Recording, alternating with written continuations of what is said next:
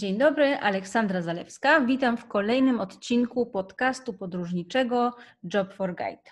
Moim dzisiejszym gościem jest Asia, która zaraz więcej Wam o sobie opowie, ale najpierw dwa słowa wstępu. Podcast, którego słuchacie, został zrealizowany dla portalu Job for Guide z myślą o wszystkich tych, którzy tak jak my kochają podróże. Platforma Job for Guide łączy specjalistów z branży turystycznej, biura podróży z kadrami turystyki, ale także podróżników i turystów z niezwykłymi przewodnikami z całego świata. I jednym z takich pilotów przewodników jest właśnie mój dzisiejszy gość, który teraz więcej Wam o sobie opowie. Dzień dobry, nazywam się Asia Sznajderska. Bardzo mi miło, dziękuję za zaproszenie do podcastu. E, jestem pilotem i przewodnikiem w Afryce Wschodniej, głównie Kenii, Tanzanii i Ugandzie. I od 2007 e, roku mieszkam w, e, na wybrzeżu kenijskim nad Oceanem Indyjskim. Do niedawna w Mombasie, obecnie w Kilifi, stąd jest ten kraj znany mi od poszewki, zarówno jeśli chodzi o atrakcje turystyczne, jak i życie na co dzień i kulturę. To powiedz mi, Asiu, w takim razie, czy zawodowo jesteś tylko związana z Afryką, czy też e, Twoja kariera i doświadczenie sięgają na inne kontynenty? Y, stricte zawodowo, czyli w pracy y, przewodnika i, i pilota, to tylko z Afryką, y, ponieważ w 2011 roku zrobiłam moje licencje i wtedy byłam już tutaj w Kenii. Natomiast jakby zawsze ciągnęło mnie y, ku podróżom, y, ku pracy z ludźmi. Będąc na studiach, zjeździłam Europę autostopem wzdłuż i wszerz. Y, pracowałam jako instruktor narciarski, więc jeździłam z, z gośćmi do, do Francji, do Włoch. Potem pomieszkiwałam też w Azji Południowo-Wschodniej, gdzie udało mi się zwiedzić wiele krajów, także te, te zapędy turystyczne już gdzieś tam były. Mhm. A udało Ci się policzyć może, szczególnie teraz w czasie pandemii, ile krajów udało Ci się odwiedzić? E, no nie, aż liczyć nie liczyłam, ale myślę, że byłabym, e, strzelałabym gdzieś koło 40-50. E, zwiedziłam większość państw europejskich. E, pracując właśnie w Kambodży, w Azji Południowo-Wschodniej, udało mi się pojechać do Tajlandii, na Filipiny, do Malezji, Wietnamu, Singapuru, Indonezji, y, byłam także w Laosie. Natomiast tutaj w Afryce, no to jakby Kenia, Tanzania, Uganda to, to można powiedzieć moje y, podwórko, ale byłam także w Etiopii, Zambii i Zimbabwe. Mhm. To co takiego jest w tym miejscu, w którym się teraz znajdujesz? Co skradło Twoje serce? Hmm. Trudno powiedzieć. Ja y, widzę nawet po, po przyjeżdżających turystach, że do Afryki przyjeżdża i albo to jest miejsce w, najczęściej, w którym po prostu ludzie się zakochują i, i do niego albo wracają, albo wręcz próbują w nim osiąść, albo to jest miejsce, które komuś po prostu nie odpowiada i on wie, że, że to na pewno nie, nie jego bajka. Y, dla mnie no, na pewno klimat, bo ja zawsze lubiłam słońce i, y, i, i plaże.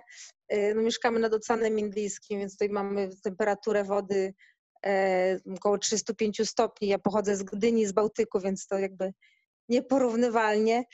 E, no i też tak, taka łatwość życia, ludzie wciąż dużo czasu spędzają ze sobą, uśmiechają się do ciebie, można, można obcych zagadywać na ulicy. E, no i też tak z, z moimi przyjaciółmi się śmiejemy, że to jedzenie rękoma, ja zawsze byłam taka lekko zbuszowana, więc mi te klimaty bardzo odpowiadają. No i piękna natura oczywiście, możliwość pracy na safari w buszu, e, podziwiając zwierzęta w ich naturalnym środowisku, no to jest praca marzeń. Mhm.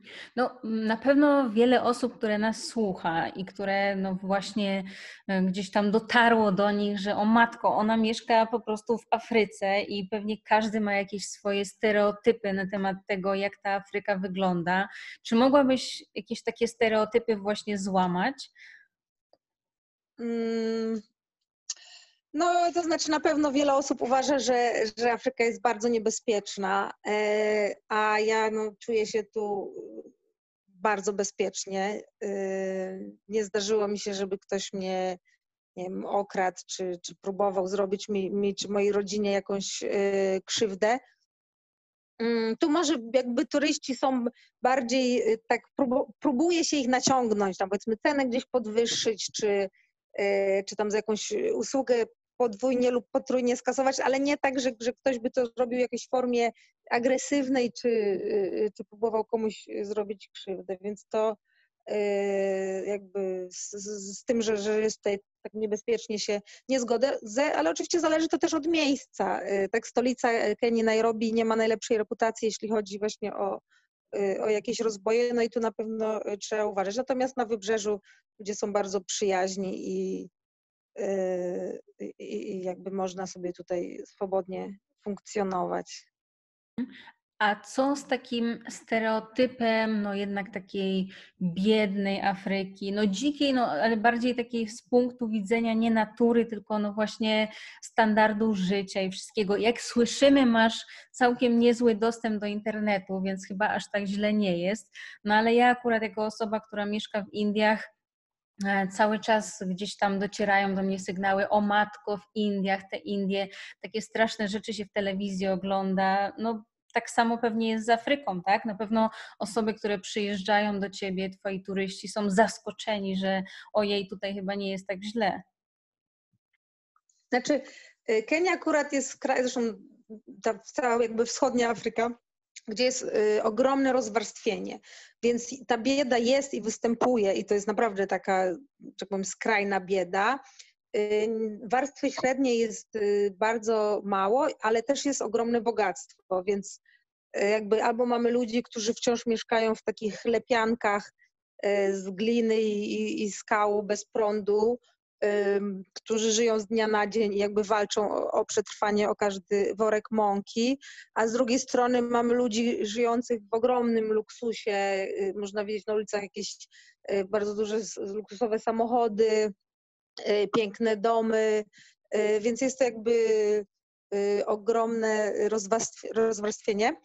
Niemniej jednak to, co turystów zawsze zaskakuje, to to, że ta uboga część społeczeństwa jest bardzo pozytywna i uśmiechnięta wbrew jakby przeciwnościom losu. Mhm. No, to prawda, że jednak e, czasami to jest to, o czym e, w ostatnim odcinku rozmawiałam z Sandrą Bednarczyk właśnie, e, gdzieś tam o Nepalu czy Birmie, że czasami jednak nie mówimy może o takim mm, ograniczeniu światopoglądu, ale jednak takie proste życie i takie proste potrzeby e, sprawiają, że ludzie jednak bardziej się cieszą e, z tego, co mają, niż my, którzy mamy jakiś dostęp do nie wiadomo jakich dóbr i, i, i widzimy, co mają inni, prawda? Tak, dokładnie. Ja nawet widzę po sobie, yy, prawda, mieszkam tu yy, 13 lat, niemniej jednak wychowałam się w Polsce, ale właśnie już jak y, odwiedzają mnie moi, moja rodzina, moi rodzice i siostra przyjeżdżają do nas co roku. Y, jakby mama zawsze tam mówi, brakuje wam, nie wiem, tego, tego i tamtego, i w kuchni nie masz tego, i jakby za, za, każdym razem nam przywozi mnóstwo prezentów. Ja w ogóle nie odczuwam, że, że mi czegokolwiek brakuje, a wręcz właśnie takie, takie prostsze życie, nie, nie otaczając się tak wieloma rzeczami, wydaje mi się, że jest dużo y, łatwiejsze. Czy właśnie też w Afryce wszystko się naprawia, tak? Jak coś tam się zepsuje, to, to i, I, to jest też fajne y, pod względem ekonomicznym, ale także ekologicznym, że nie produkuje się tak dużo śmieci. Tak? A, a też widzę, że tam jednak moja mama patrzy na mój toster i już tam wzdrycha, że, że muszę mieć nowy i, i jakby inne takie rzeczy. Więc, więc no to są jakieś różnice kulturowe yy, i też jakby przebywanie w, w kraju, za granicą w dosyć długim okresie czasu na nas yy, wpływa na to, czy sobie zdajemy z tego sprawę, czy, czy, czy niekoniecznie. Mhm. No, czyli powiedz, tak na dobrą sprawę najbliższe ci jest Kenia, tak? E, tak, Kenia jakby była krajem, to był pierwszy afrykański kraj, który odwiedziłam. Przyjechałam tutaj na praktyki w 2007 roku. Mm, potem przez pół roku mieszkałam w Ugandzie, w Kampali także i do Tanzanii bardzo dużo jeździłam do pracy, ponieważ też y, wchodzę z, z naszymi gośćmi na Kilimandżaro, czy latamy odpocząć na Zanzibar. Niemniej jednak w Kenii osiadłam, tu stąd pochodzi mój mąż, także moje dzieci też mają obywatelstwo kenijskie i, i nawet zbudowałam tu dom, więc, więc bez wątpienia jest to Kenia. Mhm. A powiedz w takim razie, gdzie najbardziej e, lubisz zabierać swoich turystów? No bo jeżeli Kenia, mm, Tanzania, właśnie Uganda, jakie są takie miejsca, jakieś takie punkty najważniejsze, najciekawsze z Twojego punktu widzenia? Mhm.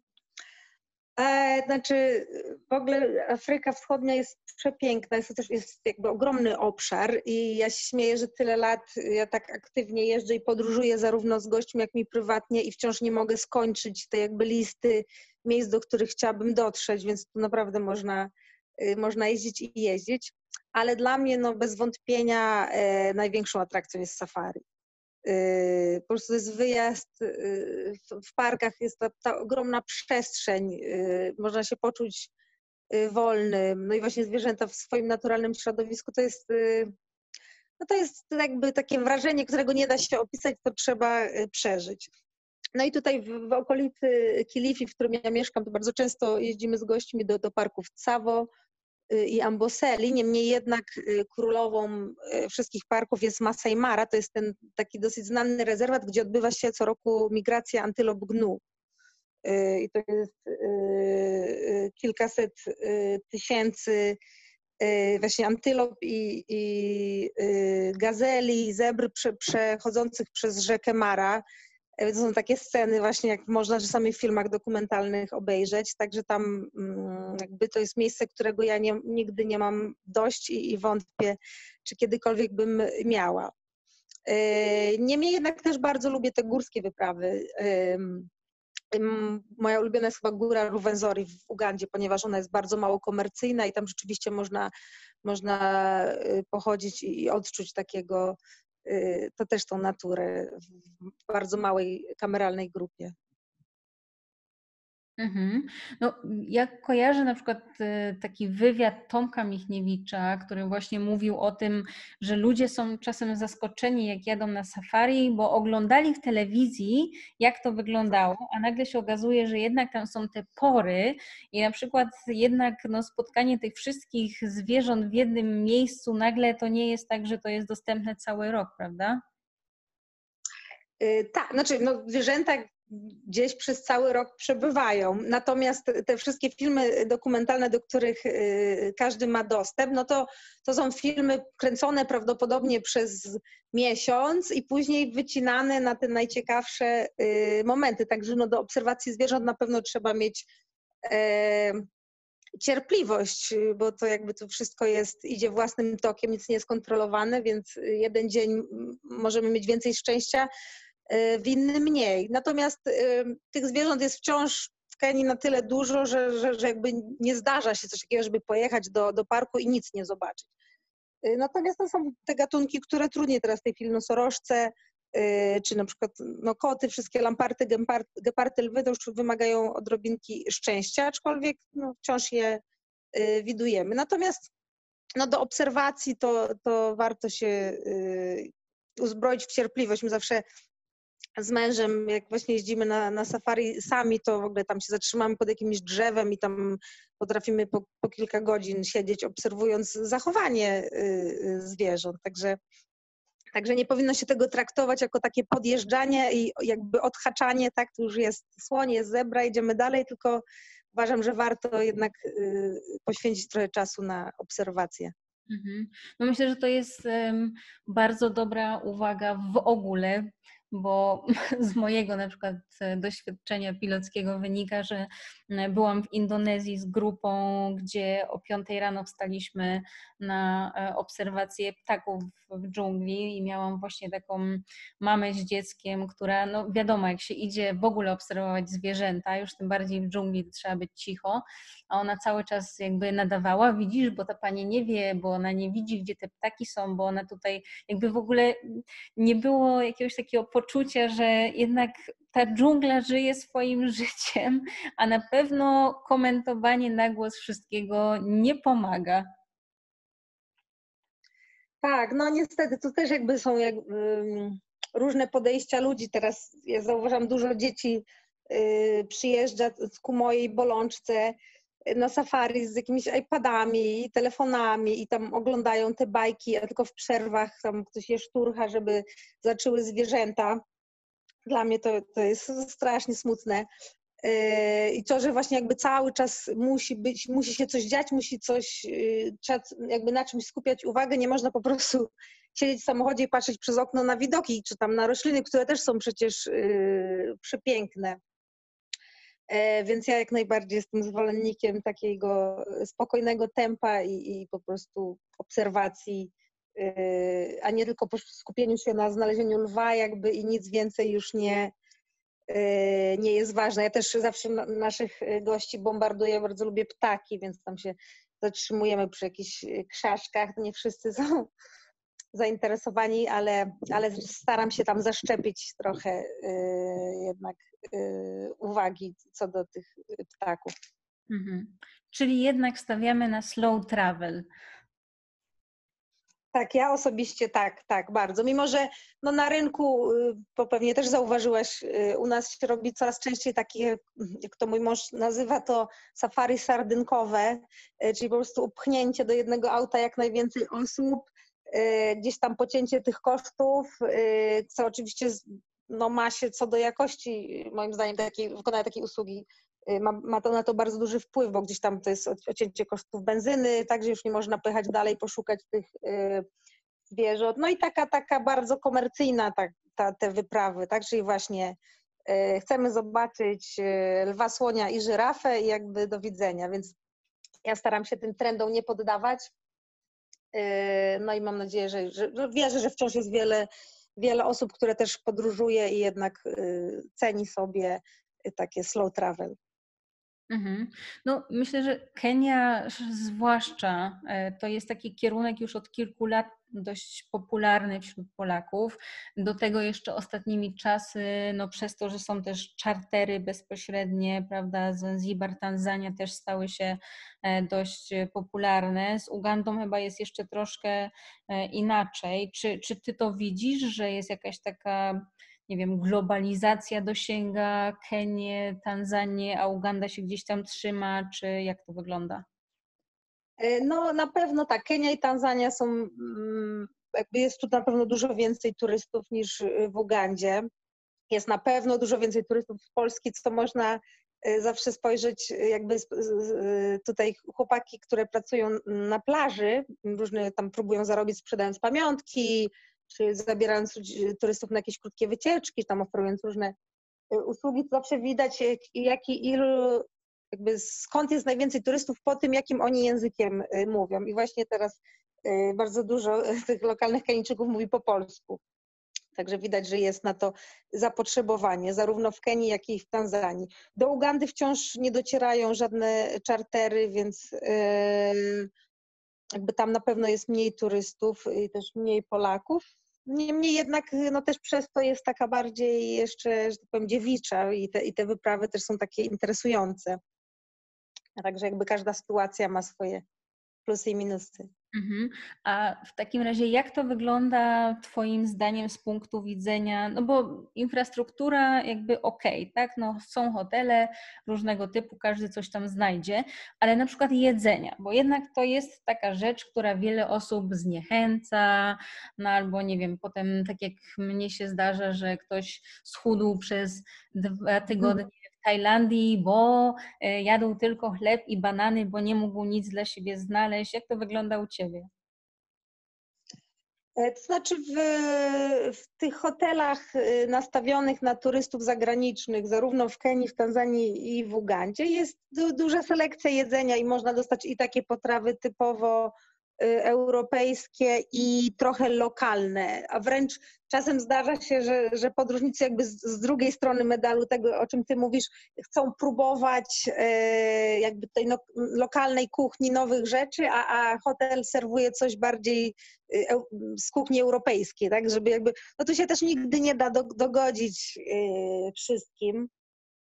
E, ale widzę, że jednak większość e, hoteli stara się przynajmniej tą nutkę jakby e, tych, tych dań lokalnych zaoferować. No jakie są takie lokalne dania, które warto spróbować będąc w tym regionie? Mhm. No w Kenii to, to w ogóle bez dwóch zdań będzie to ugali. Y, Ugali jest to danie, to jest mąka z kukurydzy pastewnej zmieszana z wodą i ugotowana. I to jest taka forma, w takiej formie babki, dosyć miękkiej. I to jest danie właśnie, które się je y, rękoma, czyli odrywa się, jakby wielkość ugali zależy od, tego, ile jest osób y, przy stole. Więc tam na weselu to ugali wygląda po prostu jak jakaś y, wielka góra, że nie widać osoby y, po drugiej stronie stołu. Natomiast tak jak my jemy w domu y, tak w pięć osób, to, no to mamy taką, taką powiedzmy taki garnek tego ugali. No i każdy sobie odrywa ręką kawałek i robi z tego taką kulkę i tym nakłada się sos i i y, jakieś tam warzywa czy mięso, czyli jakby wykorzystuje się to zamiast widelca czy łyżki. Y, w, w Ugandzie natomiast to będzie matoke. Matoke to są y, banany pastewne również, i które się też gotuje. One są w smaku podobne do ziemniaka, w mojej ocenie. I też jest to bardzo popularne. Natomiast w Tanzanii oni też mm, często jedzą taką zupę z tych, y, z tych bananów y, pastewnych. Generalnie je się dużo węglowodanów, to też wynika chyba poniekąd z ekonomii, że jakby to mięso jest dla takiego przeciętnego mieszkańca Afryki Wschodniej dosyć drogie, więc, więc je się dużo czy tego ugali bądź, bądź ryżu, Y, natomiast tego sosu, y, tego mięsa będzie tylko jakiś mały kawałek, no i jakiś taki sos y, warzywny. Mhm. Okej, okay, rozumiem. No, na pewno jest to doprawione jakoś dobrze wszystko, czy jak to wygląda? Czy to jest raczej takie um, neutralne? To, to też zależy, to, to, zależy też od regionu. Znaczy na pewno generalnie używa się bardzo dużo soli, jak dla mnie to nawet trochę za dużo i je się dużo y, papryczek y, chili. Natomiast to już też zależy od regionu. Tutaj na przykład nad Oceanem Indyjskim mm, króluje y, kuchnia Suahili, czyli tam z, wpływa, z wpływami arabskimi i też nieco indyjskimi, więc jest dużo przypraw na bazie kolendry, cynamonu, imbiru, no, generalnie ja moje gotowanie powiedzmy jest dosyć ograniczone, ale, ale jest to bardzo dobrze doprawiona y, kuchnia. Mhm. Czyli jednak y, to są takie miejsca, gdzie stawia się na gotujemy w domu, czy mm, no nie wiem, widać jakąś taką potrzebę jedzenia na mieście, jak jest z dostępnością jakichś restauracji, barów, takich rzeczy? E, to też jakby zależy tak, od, od, od, tak, od kieszeni, jakby od stanu ekonomicznego i, i, od tego, jak dużą ktoś ma rodzinę. Generalnie jeśli jest to duża, bo, bo w Kenii wciąż na wsiach zwłaszcza można spotkać takie rodziny, które mają tam po dziesięcioro dzieci, e, ośmioro, co prawda już też od tego się odchodzi ze względu na wysokie koszty edukacji. No natomiast jakby wciąż są, bywają takie rodziny wielodzietne, więc tam na pewno będzie się gotować. Natomiast y, jakieś młode osoby, które wciąż mieszkają same, y, nawet jeżeli nie, nie, są zbyt y, dobrze sytuowane finansowo, to wciąż będą jeść w tak zwanych kibandach. Kibanda to jest powiedzmy taka lokalna restauracja, ale to też z reguły jest jakiś taki budynek ze strzechą albo tylko jakiś kawałek dachu na palach i tam ktoś po prostu gotuje rano, no to najczęściej właśnie herbatę z mlekiem i z bardzo dużą ilością cukru i do tego można zjeść chapati, czyli to pewnie tobie bardzo dobrze znane, bo z Indii się wywodzące takie placki z mąki i wody, czy mm, mahamry, to są takie jakby pączki puste w środku. To, to natomiast to takie sobie bardziej się opłaca zamiast w domu rozpalać sobie tą kuchenkę, bo to węglem się wciąż gotuje, i tam sobie robić porcję dla jednej osoby, to taniej jest pójść do takiej kibandy i tam sobie zjeść, więc też y, ludzie tam się żywią. Y, natomiast ci Kenijczycy, którzy na to sobie mogą pozwolić, no to na pewno oni są strasznie socjalni, uwielbiają chodzić z domu, uwielbiają chodzić do barów, tańczyć, jeść mięso z kozy i, i tam poznawać nowych ludzi. Także ci, którzy mają taką możliwość, to, to na pewno chętnie z niej korzystają. Mhm. A jak to jest z alkoholem w takim razie? Są jakieś lokalne przysmaki? E, tak, no jest tutaj na wybrzeżu, zwłaszcza gdzie ja mieszkam, no to robi się y, alkohol z, y, z kokosu, tak zwane mnazi, y, które tam właśnie często można zobaczyć na wsiach, jacyś młodzi chłopacy wchodzą na palmy, nie wiem jak, jak jacyś akrobaci niesamowici. I oni tam podwieszają pod ten orzech kokosowy taki kubeczek, robią jakąś dziurę i tam powoli to wszystko gdzieś tam kapie i, i fermentuje, więc na wsiach y, pije się mnazi. Natomiast takich kupnych alkoholi w tych miejscach, gdzie można kupić, bo na przykład mm, stare miasto w Mombasie jest, y, tam jest, y, żyje większość muzułmanów, więc tam na przykład nie można ani sprzedawać alkoholu, ani spożywać no to nie. Natomiast y, y, jakby poza tym stricte starym miastem, to wszędzie można oczywiście dostać zimne piwo, no bo to w tym klimacie popularne i wszelkie y, takie znane u nas alkohole. Mhm. To w takim razie, czy ten, te miejsca, o których mówimy, to są takie destynacje Twoim zdaniem całoroczne, czy jak to mm, z Twojej perspektywy wygląda? Chodzi o Kenię, Tanzanię i Ugandę? Tak. Y, no, znaczy przyjeżdżają turyści przez cały rok, niemniej jednak w kwietniu, pod koniec kwietnia, maj, początek czerwca jest pora deszczowa i to już są naprawdę takie, takie deszcze, powiedzmy ściana y, deszczu, y, więc no to nie jest jakby zalecany okres. Niemniej jednak też zdarzają się tacy podróżnicy, którzy lubią jeździć jakby nie, nie w szczycie sezonu, tylko w takim mniej uczęszczanym czasie. Mm, ponieważ no wtedy też jakby są zdecydowanie tańsze wszystkie mm, hotele i usługi. No a z tymi deszczami, no to też troszkę się tak zrobiło jak, jak z zimą w Polsce, że to już jakby czasami się zdarza, że, że jest miesiąc wcześniej, miesiąc później, czasami popada tylko dwa tygodnie, także jakby tu też nigdy y, nie ma gwarancji.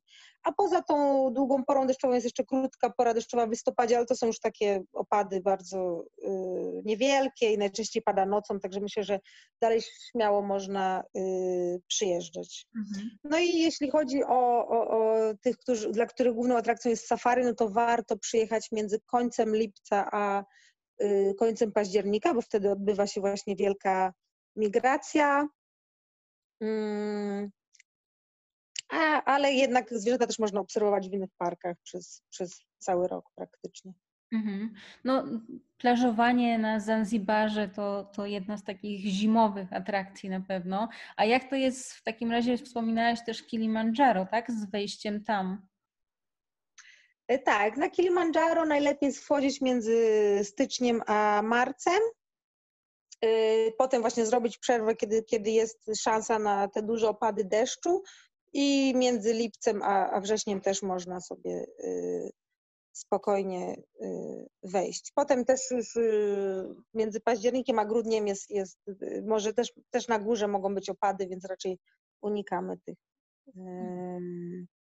tych miesięcy. Mhm. Rozumiem, że w miarę bez problemu po angielsku można się wszędzie dogadać. Tak, znaczy to też zależy gdzie. W Kenii na przykład jest, y, są, oba języki są urzędowe, język y, angielski, język Swahili y, i praktycznie każdy, kto chodził do szkoły mówi po angielsku, bo w szkole wszystkie przedmioty odbywają się po angielsku właśnie. Więc, więc, więc większość osób mówi, niemniej jednak jak pojedzie się gdzieś w takie bardziej wycieczki po wsiach, czy w miejsca takie mniej komercyjne, no to, no to może być z tym rzeczywiście problem, zwłaszcza z tym starszym pokoleniem. Natomiast Tanzania ma, językiem urzędowym Tanzanii jest tylko język Swahili i tam w tych miejscach turystycznych Tanzańczycy mówią w mojej ocenie troszkę gorzej niż, niż Kenijczycy, albo, albo rzadziej, może w ten sposób, mniej osób yy, mówi. No a w tych miejscach nieturystycznych, no to, to rzeczywiście może być yy, problem. W Ugandzie też język angielski jest, jakby też każdy, kto był w szkole go go zna, no ale tak samo właśnie w tych obszarach wiejskich czasami y, nie. Mhm. No dobra. Myślę, że z punktu widzenia takiego życia można by jeszcze rozmawiać y, pewnie e, godzinami, e, ale mhm. może e, mogłabyś teraz zdradzić naszym słuchaczom kilka takich sekretów bardziej związanych no, stricte z pracą w branży turystycznej. E, czyli z Twojego afrykańskiego e, doświadczenia, e, jakieś takie najtrudniejsze wyzwania związane z tym miejscem, najśmieszniejsze. Co takiego Ci się przydarzyło?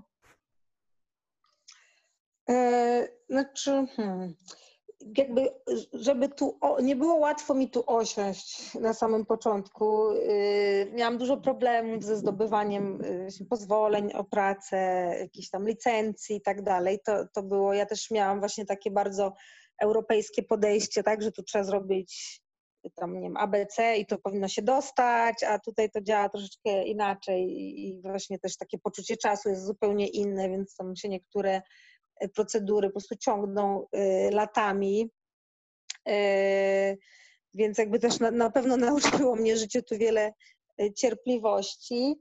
Mm, a w tej chwili jakby z, z naszymi turystami z Polski to często są takie zderzenia jednak tej kultury polskiej i kenijskiej, także no właśnie na przykład to słynne afrykańskie poczucie czasu, tudzież jego brak Y, że jakby przyjezdni goście z Europy mają powiedzmy europejskie oczekiwania, tak? a, a jednak y, tutaj y, no, życie się, się, się troszkę w innym tempie ciągnie i tam właśnie jak to jest my jesteśmy przyzwyczajeni do tego, że chcemy już gdzieś iść, chcemy pójść, nawet jesteśmy w sklepie, że to szybko jest nam podane, a tutaj nawet właśnie wejście do sklepu i zakup czegoś, potem zanim ten sprzedawca znajdzie resztę, czy tam w ogóle zanim policzy, ile ma ten rachunek, no to wszystko trwa, więc czasami ludzie się trochę denerwują, czy tam, że jakieś auto gdzieś się spóźni, czy i, i tak dalej.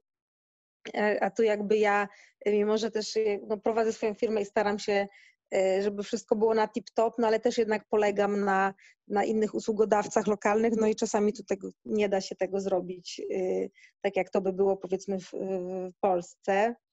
Mm, no, e, jakby ja też tu staram się wytłumaczyć gościom, żeby, żeby patrzeć na to inne postrzeganie czasu jako na taką ciekawostkę, a nie na coś, że ktoś tam próbuje nam nas, nie wiem, zlekceważyć czy, czy zrobić na złość.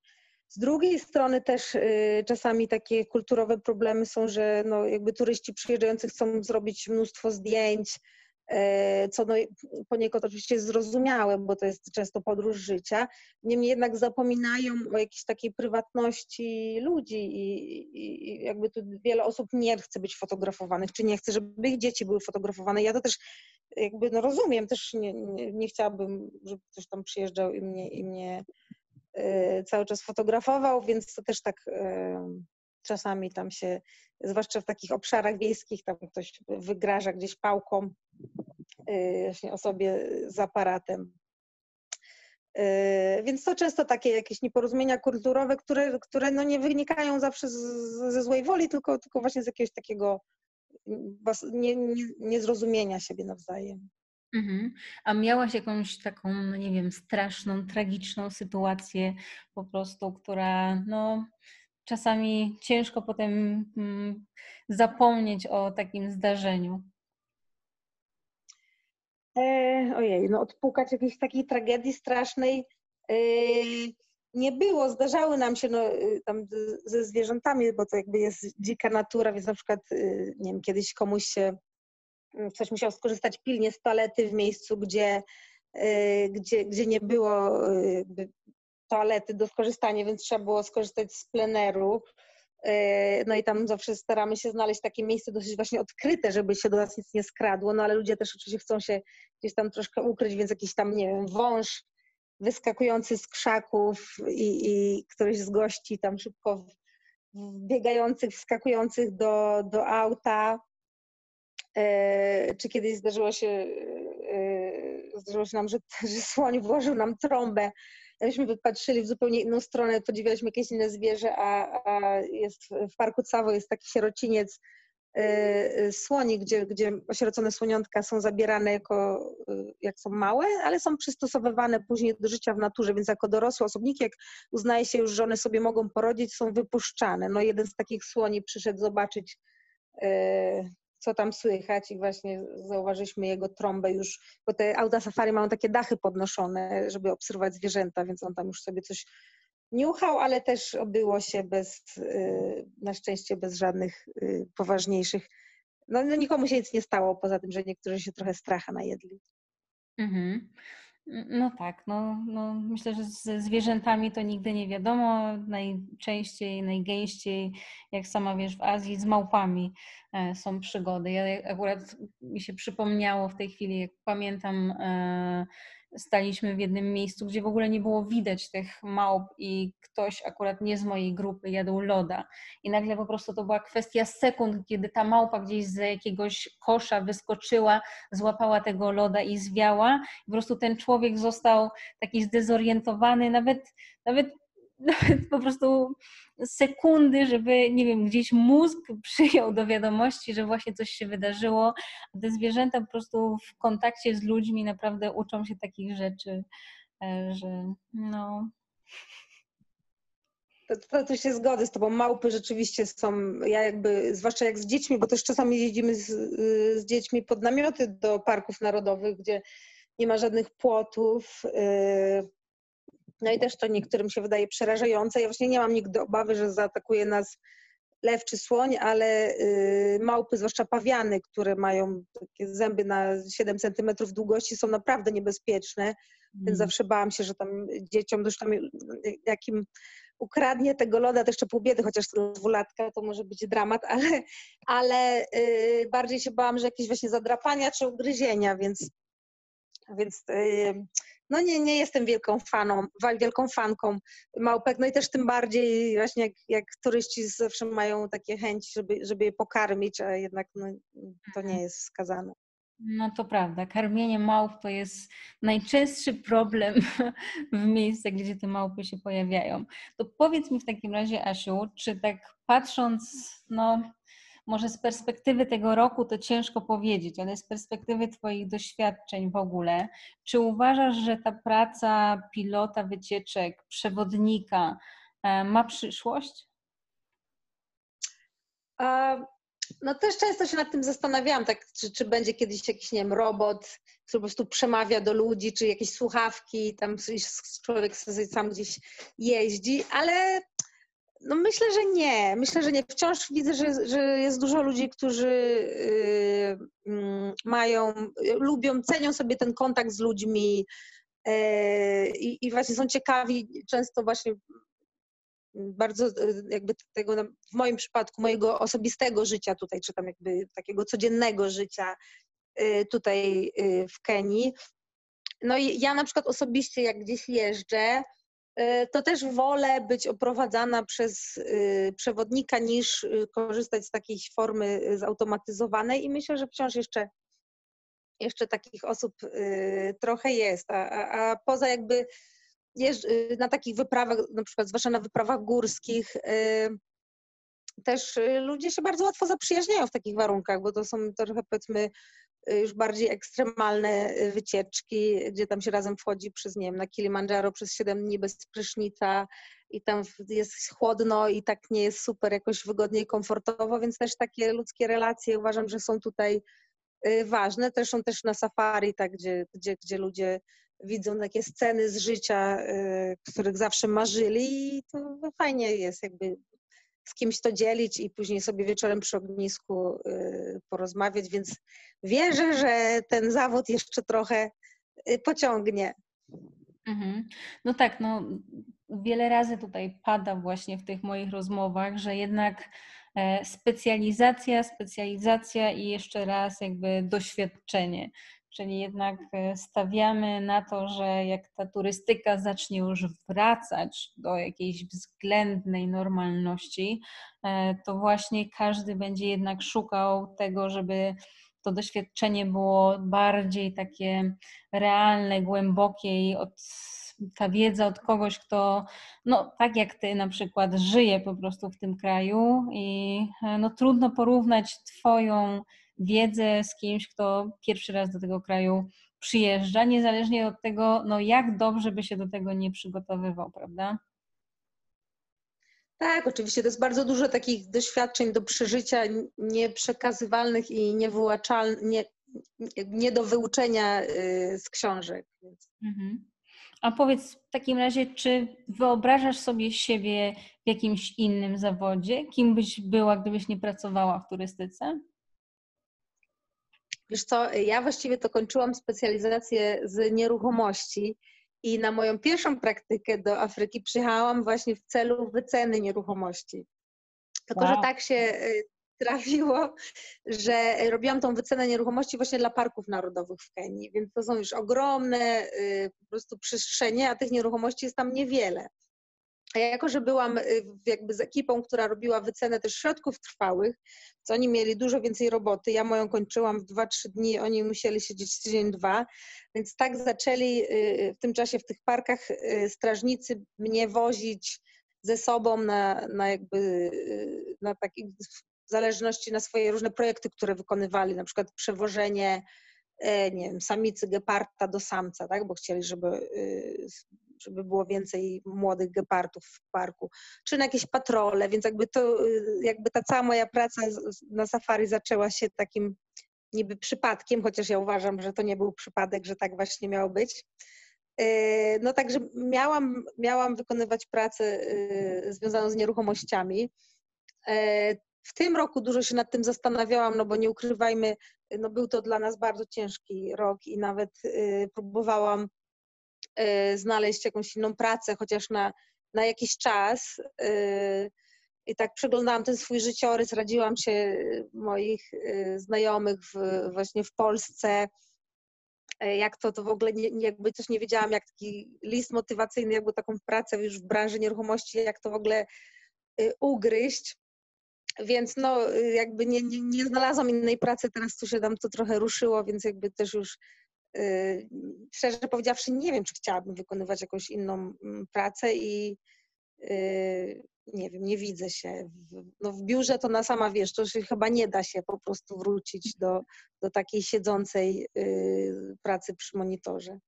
No tak, to jest, to jest zdecydowanie prawda. Jak to powiedział Tomek Ilnicki bodajże w trakcie naszej rozmowy, jesteś jak narkoman, który po prostu czeka na kolejną dawkę. Tak, zgodzę się. To powiedz mi jeszcze w takim razie na koniec, czy jest jakiś tytuł książkowy, filmowy, który mogłabyś polecić naszym słuchaczom w tych, nie oszukujmy się, trudnych czasach, kiedy podróżowanie jest ograniczone? Yy, tak, oczywiście. No będą to oczywiście książki czy filmy związane z Afryką. Więc oczywiście, yy, no, powiedzmy w takich klasykach, no to będzie to na pewno y, Heban Ryszarda Kapuścickiego, czy, czy Pożegnanie z Afryką Karen Blixen.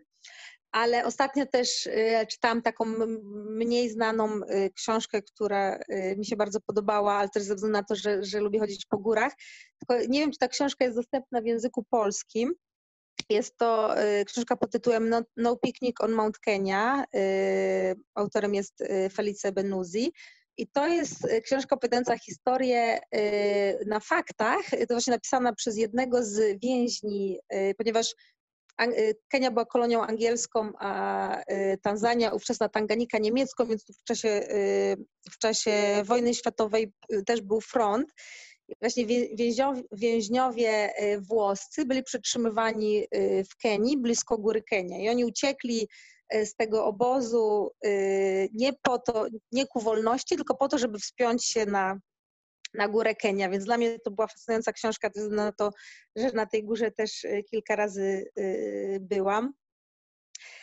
A z filmów, no to takie też dosyć stare, stare klasyki. Jest taki film Stephena Hopkinsa Duch i Mrok. On z lat 90. to jest Olwach Ludojadach Cawo. To też jest film oparty na prawdziwej historii. Właśnie jak teraz często jeździmy z gośćmi tutaj do parku Cawo, blisko wybrzeża, no to tą historię opowiadamy. To jest y, taki y, fajny stary film o tym, jak, jak podczas budowy kolei y, w Kenii lwy ludojady pożerały pracowników i trzeba było wezwać myśliwych. No i oczywiście Król Lew, no wiadomo, ta, ta, ten, ten film i zarówno ten nowy, jak i, i ta stara wersja chyba z 94 czy, czy któregoś roku. Mm, a z takich mniej oczywistych filmów, to w zeszłym chyba roku w kinie tutaj byłam na, na takim filmie Królowa Katłe Miry Nair. To jest o takiej dziewczynie z Ugandy, która świetnie grała w szachy. Nie, tak, w szachy. Mhm, I, tak. I właśnie tam karierę robiła.